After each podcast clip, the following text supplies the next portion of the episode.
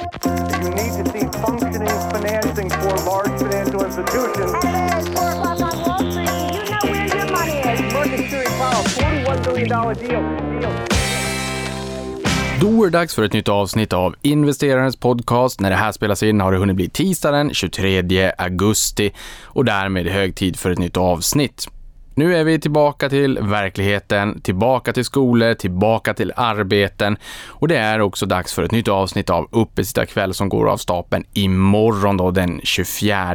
Det är dags för nya pengar att trilla in, nya pengar att sysselsättas i portföljen och arbeta för dig, vilket är trevligt, speciellt när börsen har gått ner lite grann. Och de som gästar där är Kristina Nyman, chefekonom på Handelsbanken. Sen har vi Jon Karlung, vd och grundare av Bahnhof.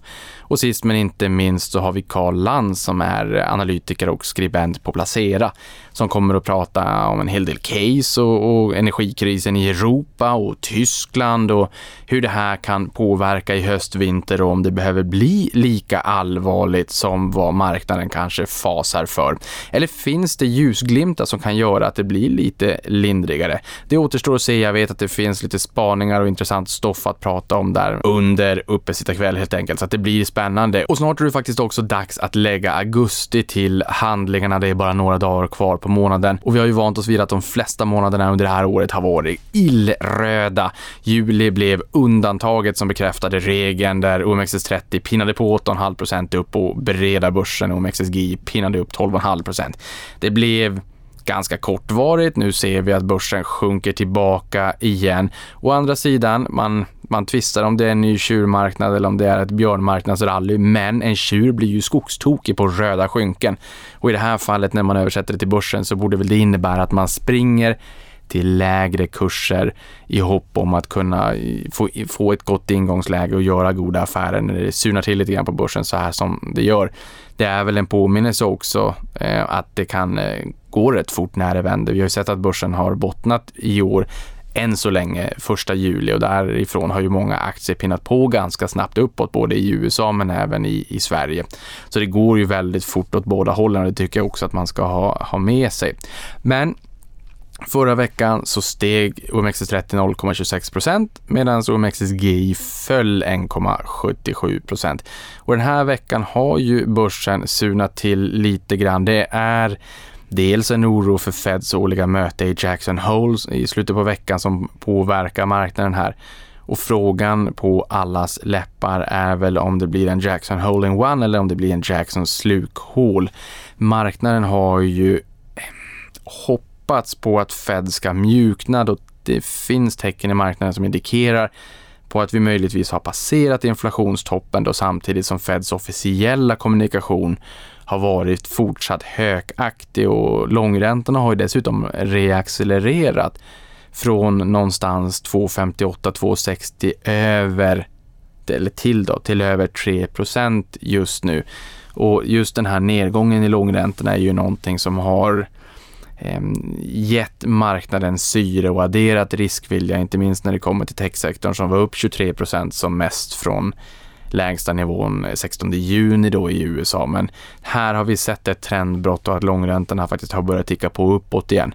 Eh, och dessutom för oss som har varit ute och rest så kan, eller de som ska ut och resa kanske snarare, så eh, kommer det här väl som lite sur lök på laxen. Men USD-SEK, det valutaparet eh, ja, noterade årshögsta nu, jag tror det var idag, på 10,76 vilket innebär att kronan har eh, deprecierat, eh, har försvagats mot dollarn. Så att nu är det väldigt dyrt om man är ute och reser oavsett egentligen vilken valuta den handlar om eller om du köper amerikanska aktier. Ehm, men ehm, 10 kronor och 76 öre, det är högre än den tidigare toppen i år som var på 10,68. Och jag tror att den absoluta toppen ligger väl på 11,01 och är väl typ 20 år gammal och det verkar ju onekligen som att vi skulle kunna ta ut det tidigare rekordet. Det återstår ju lite grann att se. Positivt förvisso för bolag som har kostnader i kronor och intäkter i dollar omvänt ganska jobbigt för de bolagen som köper in i dollar, köper in varor i dollar, säljer i svenska kronor där en försiktigare konsument kanske blir lite mer picky kring vad man eh, köper helt enkelt. Sen utöver det så har vi också i veckan fått en rejält stor oro för gasbrist i Europa efter att Gazprom meddelat att de stänger av Nord Stream 1 under tre dagar för underhåll med start här i slutet på augusti. Då. Och det här beskedet fick europeiska gaspriser att stiga över 20 procent och marknaden oroar sig för en total avstängning. Och det här är ju inom citationstecken då en, ett planerat underhåll. Det var ju en avstängning här för inte allt för länge sedan och där var ju marknaden också orolig för eh, huruvida man då skulle återstarta det här och man eh, levererar ju inte alls på full kapacitet långt ifrån. Eh, och nu finns det väl en oro då att man använder det här som, som utpressning för, ja, eller i kriget mot Ukraina då, utpressning mot eh, mindre vänligt inställda länder så som Ryssland menar. Ehm, så att vi, vi får helt enkelt se. Förra gången återstartade man ju det här um, är det så att man inte gör det nu så blir det ju jobbigt för Europa samtidigt som det kanske också eskalerar konflikten. Och då menar jag väl primärt konflikten mellan Ryssland och de länderna som ställer sig bakom eh, Ukraina då, som har hjälpt Ukraina som har fått Ryssland att se rött. Och den här oron för gasbristen ser vi ju också i det faktum att valutaparet euro-USD sjönk till 0,99 USD, vilket innebär att det kostar mindre än en dollar att köpa en euro. Dollarn är alltså starkare än euron, eller har varit nu bitvis eh, och är väl en ganska tydlig signal om vilken dignitet av oro man faktiskt ser i Europa just nu. Men hela den här diskussionen kring om vi har passerat botten för den här cykeln eller inte, den kommer naturligtvis att fortsätta. Det jag tycker är lite intressant är ju att vi har haft låga vinstförväntningar. Många bolag har rapporterat in bättre siffror än vad marknaden förväntade sig här under rapportsäsongen. Många har underviktat aktier och det här är också viktigt att komma ihåg. Det handlar ju inte bara om rapporter och siffror, det handlar ju om flöden också och väldigt mycket annat, psykologi och allt vad det är. Men i och med att många har underviktat aktier så finns det också en hel del pengar vid sidlinjen som ska in när det börjar ljusna lite grann igen. Och som bekant är ju som mörkast innan det ljusnar och jag menar inte på något sätt att det är som mörkast nu. Det kan bli betydligt mycket mörkare härifrån. Men någonstans kommer det ju att vända. Och nu börjar det vara en tid sedan 4 januari börsen eh, toppade också. Sen är det klart, vi har haft multipelkontraktionen, vi har sett P-talen falla tack vare att vi har sett aktiekurserna falla. Frågan är ju om vinsterna håller emot eller inte. Det gjorde de i Q2. Så vi får väl helt enkelt se om det här äh, fortsätter att hålla i sig i Q3 eller om det är där vi ser att siffrorna börjar äh, försvagas. Men som sagt, många har underviktat aktier. Vi hade Bofas enkät där de skickar ut en enkät till globala förvaltare runt om i världen som förvaltar väldigt mycket pengar. Eh, och de menade ju på att vi har sänkt kassandelen från 6,1 procent ner till 5,7 procent. Så sakteligen så börjar man ju faktiskt doppa tårna, även om den siffran är högre än det historiska snittet på 4,8 procent. Så det finns fortfarande pengar vid sidlinjen som ska allokeras in i marknaden när de tycker att det är läge för det. Och sen sist men inte minst, nu eh, som jag sa här i början av avsnittet, det här, tillbaka till verkligheten, tillbaka till skola, tillbaka till jobb. Det innebär ju också att volymerna på börsen letar sig upp då till till mer eh, normala nivåer jämfört med lite lägre nivåer man brukar se under sommaren. Så det återstår ju att se om det också innebär att det blir ett ökat säljtryck på börsen eller inte. Men börsen har faktiskt hållit emot ganska väl när det kommer till negativa nyheter. Så det känns som att det kan komma en negativ nyhet, det kan vara en liten sättning nedgång i börsen den dagen eller i enskilda aktier, men där man sen ser att köparna strömmar till. Så det är en, en det är ett läge där köpare och säljare uppenbarligen kamperar. Men sen vet vi också att förutsättningarna kan ändras väldigt snabbt. Men just det här med uppgången på den amerikanska marknaden som på något sätt är viktig för global riskvilja så noterade Wall Street Journal här nyligen att över 93 procent av aktierna i S&P 500 eh, handlades över MA50, alltså 50 dagars glidande medelvärde. Och det här är ju ett eh, gott tecken på en bred återhämtning. Här har vi ju tidigare pratat väldigt mycket om uppgången på börsen, att eh, det är väldigt få bolag som har drivit på den här uppgången och man har ju skämtsamt sagt att S&P 500, det hade lika gärna kunnat vara S&P 5, det vill säga de eh, techgiganterna då helt enkelt. Så att se att den här uppgången har varit bred, det är ett gott tecken för riskviljan och det är den högsta nivån sedan sommaren 2020. Sen är det klart att blir det lite surare klimat nu, då kanske man vänder kappan efter vinden. Men vi har också sett en del memes dock, som man så säger, som har pigna på sig den senaste tiden. Huruvida det är positivt eller negativt, det, det återstår liksom, det, det, det, det tvistar också det lärde. Men i samband med det så noterade jag att eh, köpen av köpoptioner bland amerikanska retailinvesterare var på högsta nivån sedan april och köpen av aktier och ETFer i USA var på högsta nivån sedan januari när börsen toppade. Så att det här är ju ett tecken om något att eh, retail inte har lämnat scenen utan att det fortfarande finns ett intresse och efter den kommer ju eh, solsken naturligtvis. Så det blir fortsatt väldigt intressant att se eh, temat för eh, hösten. Sen kan jag också säga att det är en trött mössa på Instagram som utger sig för att vara mig med användarnamnet underline investeraren underline istället för investeraren bara då. Eh, och den här personen har kapat min profil och mina bilder rakt av och skickar DM, eller alltså direktmeddelanden då, till folk där eh, den här personen försöker förmå människorna att spekulera i krypto. Ehm, jag ger ju normalt inte investeringsråd, men här ger jag en kraftig säljrek. Jag har anmält det här till Instagram och skickat in en herrans massa mejl med olika eh, fotografier på mina ID-kort och när jag håller ID-korten och allt vad det är. Så vi får väl hoppas att det kontot snart försvinner. Ni är många som har hört av sig till mig angående det här och ni är också många som har anmält det här ni också då. Så det tackar jag för. Det är tråkigt när man förstör för andra. Och med de orden ett litet nyhetssvep. Ni ser att jag försöker hålla de här 15 minuterna som jag en gång i tiden lovade och som jag aldrig håller. Säkert inte idag heller. När det här spelas in så inleddes börsdagen med ett rykande färskt bud på teknikkonsulten Semcon. Och det är Etteplan som bjuder upp till dans med ett kontantbud om 149 kronor per aktie, vilket motsvarar en premie om 31,6 procent jämfört med måndagens stängningskurs, det vill säga den 22 augusti. Och det här budet värderar bolaget till 2,7 miljarder kronor. Så lite trevlig riskvilja. Det finns en del bud där man kanske blir lite mera Um, lite mer modig framåt, man ska växa, man um, kan sätta lite pengar i arbete och man vågar köpa lite bolag här och var. Det kommer lite bud så här. Det är väl ändå trevligt. Jag noterar också en korplåder. Det känns som att det kanske kan hända lite saker på marknaden nu. Fönstret är inte helt stängt. Det skulle vara väldigt trevligt om vi kunde få någon eller några transaktioner både i Sverige och i USA som på något sätt visar att det går att, ehm, eh, att genomföra en flotation eller det går att släppa ut jollen på börshavet i den här marknaden. Eh, då kanske vi får lite fler bolag som strömmar till också. Och sen handlar det såklart om volatiliteten.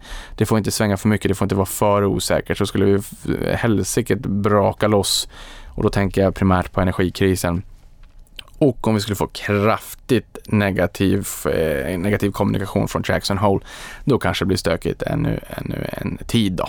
Sen har vi bankernas marginal på bolån som fortsätter pressas för sjätte månaden i rad och landar på 1,07 procent och det här är ju en siffra som Finansinspektionen redovisar löpande och det här är ju en rejäl nedgång från toppen på 1,73 procent.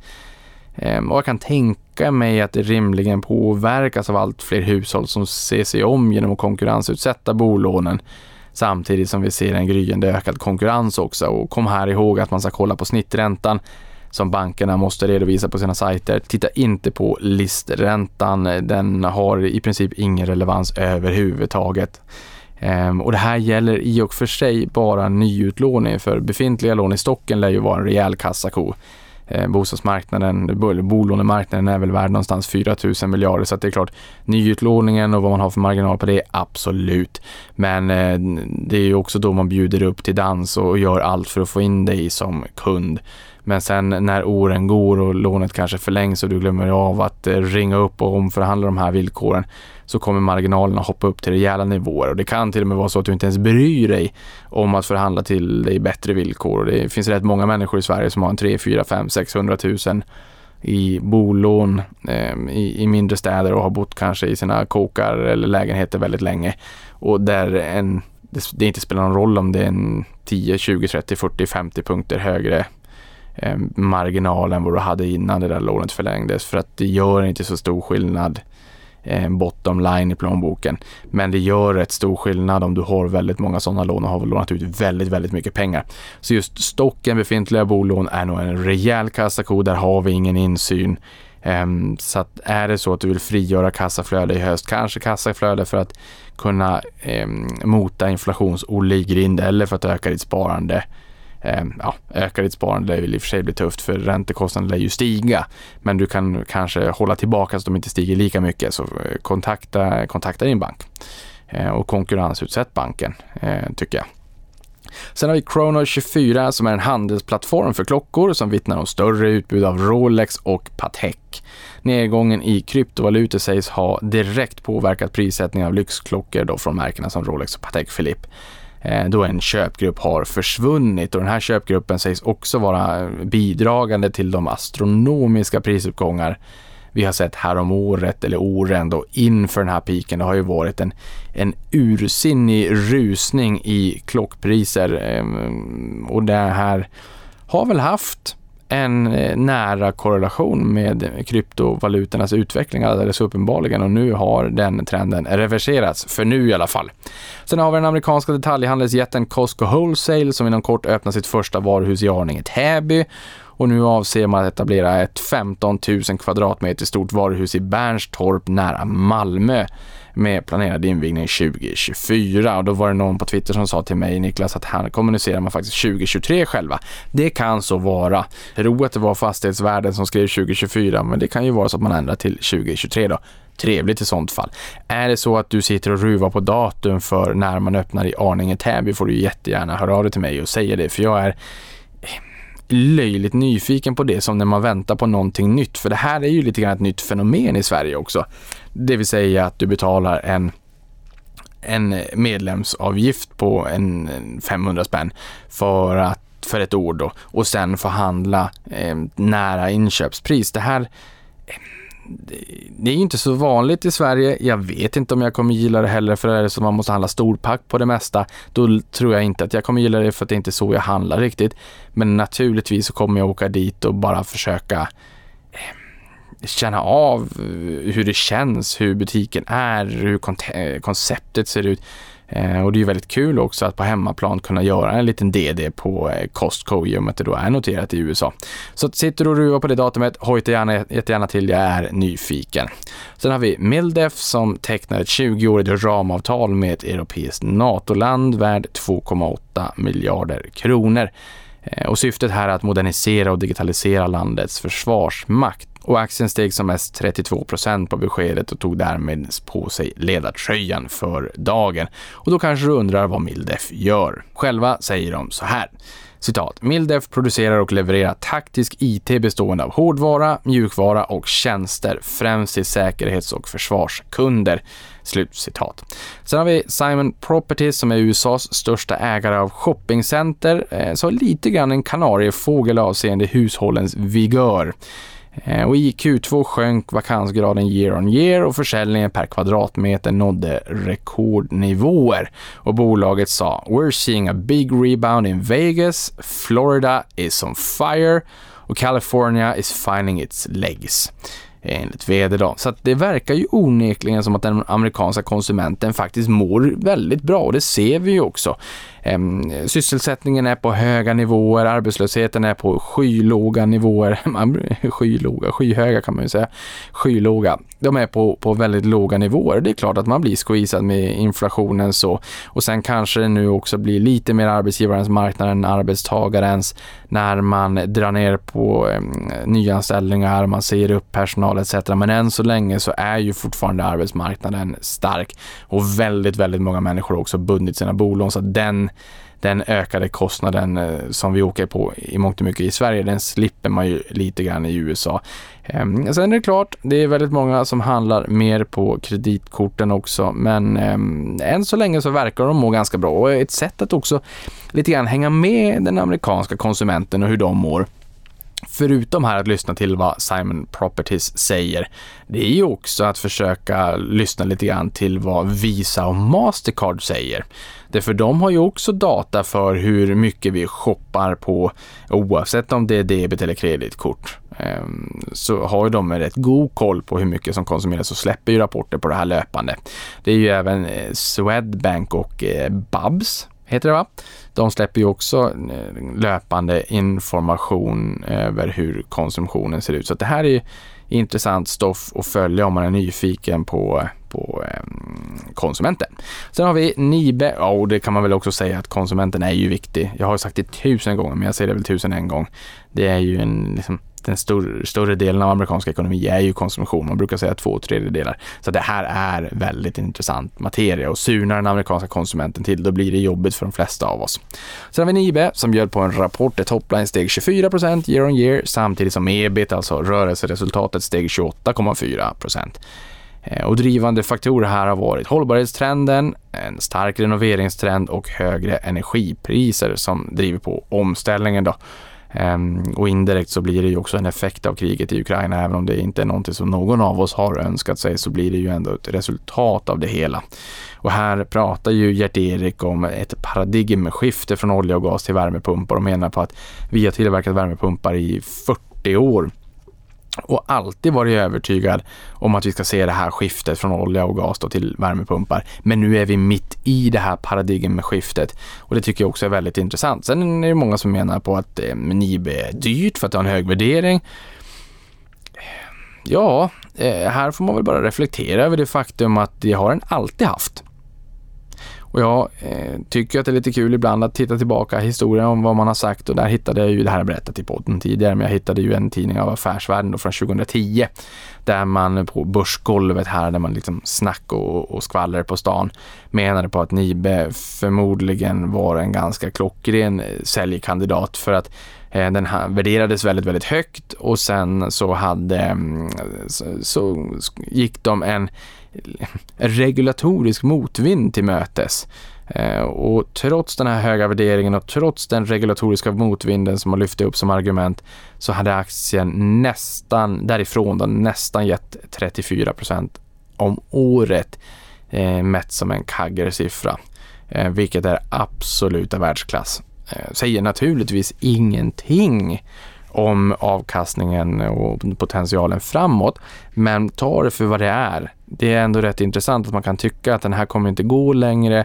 Det är en jättehög värdering och det finns regulatorisk motvind och det finns andra faktorer som gör att man förmodligen har det bästa bakom sig, inte framför sig och sen visar det, var, visar det sig vara helt fel. Det här har man också sagt många gånger om Avanza genom åren det är ett exempel som ligger mig nära om hjärtat i och med att jag läser det mesta som skrivs om Avanza. Men det gäller vilken aktie du än vill. Ehm, det är svårt att förutse framtiden. Det har alltid varit svårt, det kommer alltid vara svårt så länge vi inte har en fungerande spåkula. Och någonstans när han säger, eh, Gert-Erik, att vi är mitt i ett paradigmskifte från olja och gas till värmepumpar, så vill jag påminna om att det här med värmepumpar, det är ganska mycket ett svenskt fenomen, ett nordiskt fenomen. Ehm, det är väldigt ovanligt i resten av världen. Så jag tror att det, det är nog också fel att utgå från Sverige och hur det ser ut här och tro att marknaden är mättad.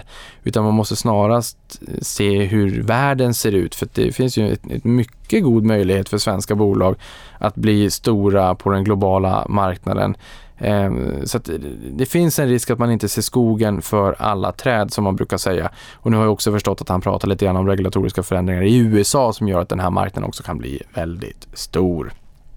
Nåväl. Sen har vi Apple som uppges hålla höstens keynote den 7 september där iPhone 14 och Apple Watch 8 förväntas avtäckas.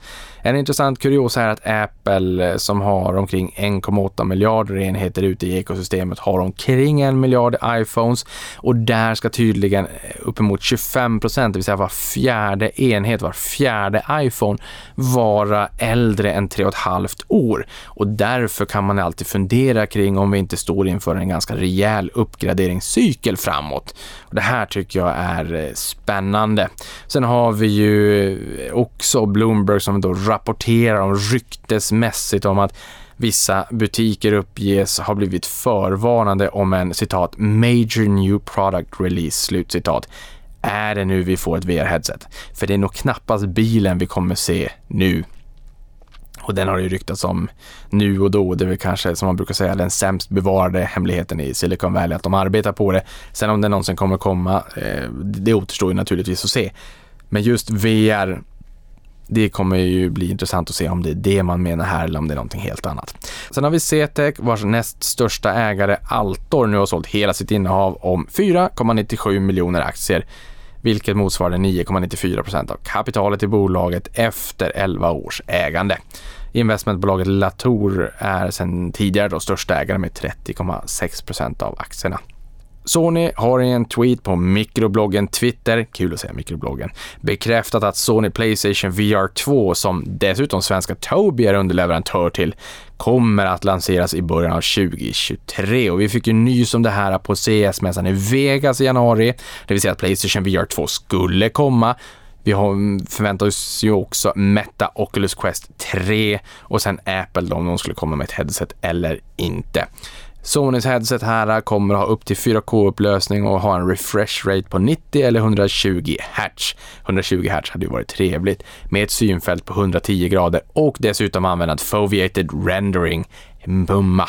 Och det här med foveated rendering, det är en renderingsteknik som hjälper dig att rendera upp sylvass, knivskarp upplösning där ögat för stunden fokuseras och tittar. Ett öga har ju både stavar och tappar och nu är jag helt tappad bakom flötet för jag vet inte vilken som är vilken, det vet säkert du som lyssnar på det här. Men man kan ju fokusera och få en liksom knivskarp skärpa om du fokuserar på att läsa en text på din dator. Men det innebär ju också att allting runt omkring din dator, om du sitter i köket, allt det som händer runt omkring, det blir lite mera blurrat och sen kanske det händer någonting och då lyfter du blicken från datorn till eh, den personen som kanske står i köket och då kommer du se den personen klockrent men det som står på datorn är ju blurrat. Om du istället då fokuserar på den här personen och bara ser datorn i, i ögonvrån. Ni vet. Och det här är ju ett sätt då med foveated rendering att an, använda helt enkelt eh, beräkningskapaciteten i hårdvaran för att rendera upp och lägga fokus på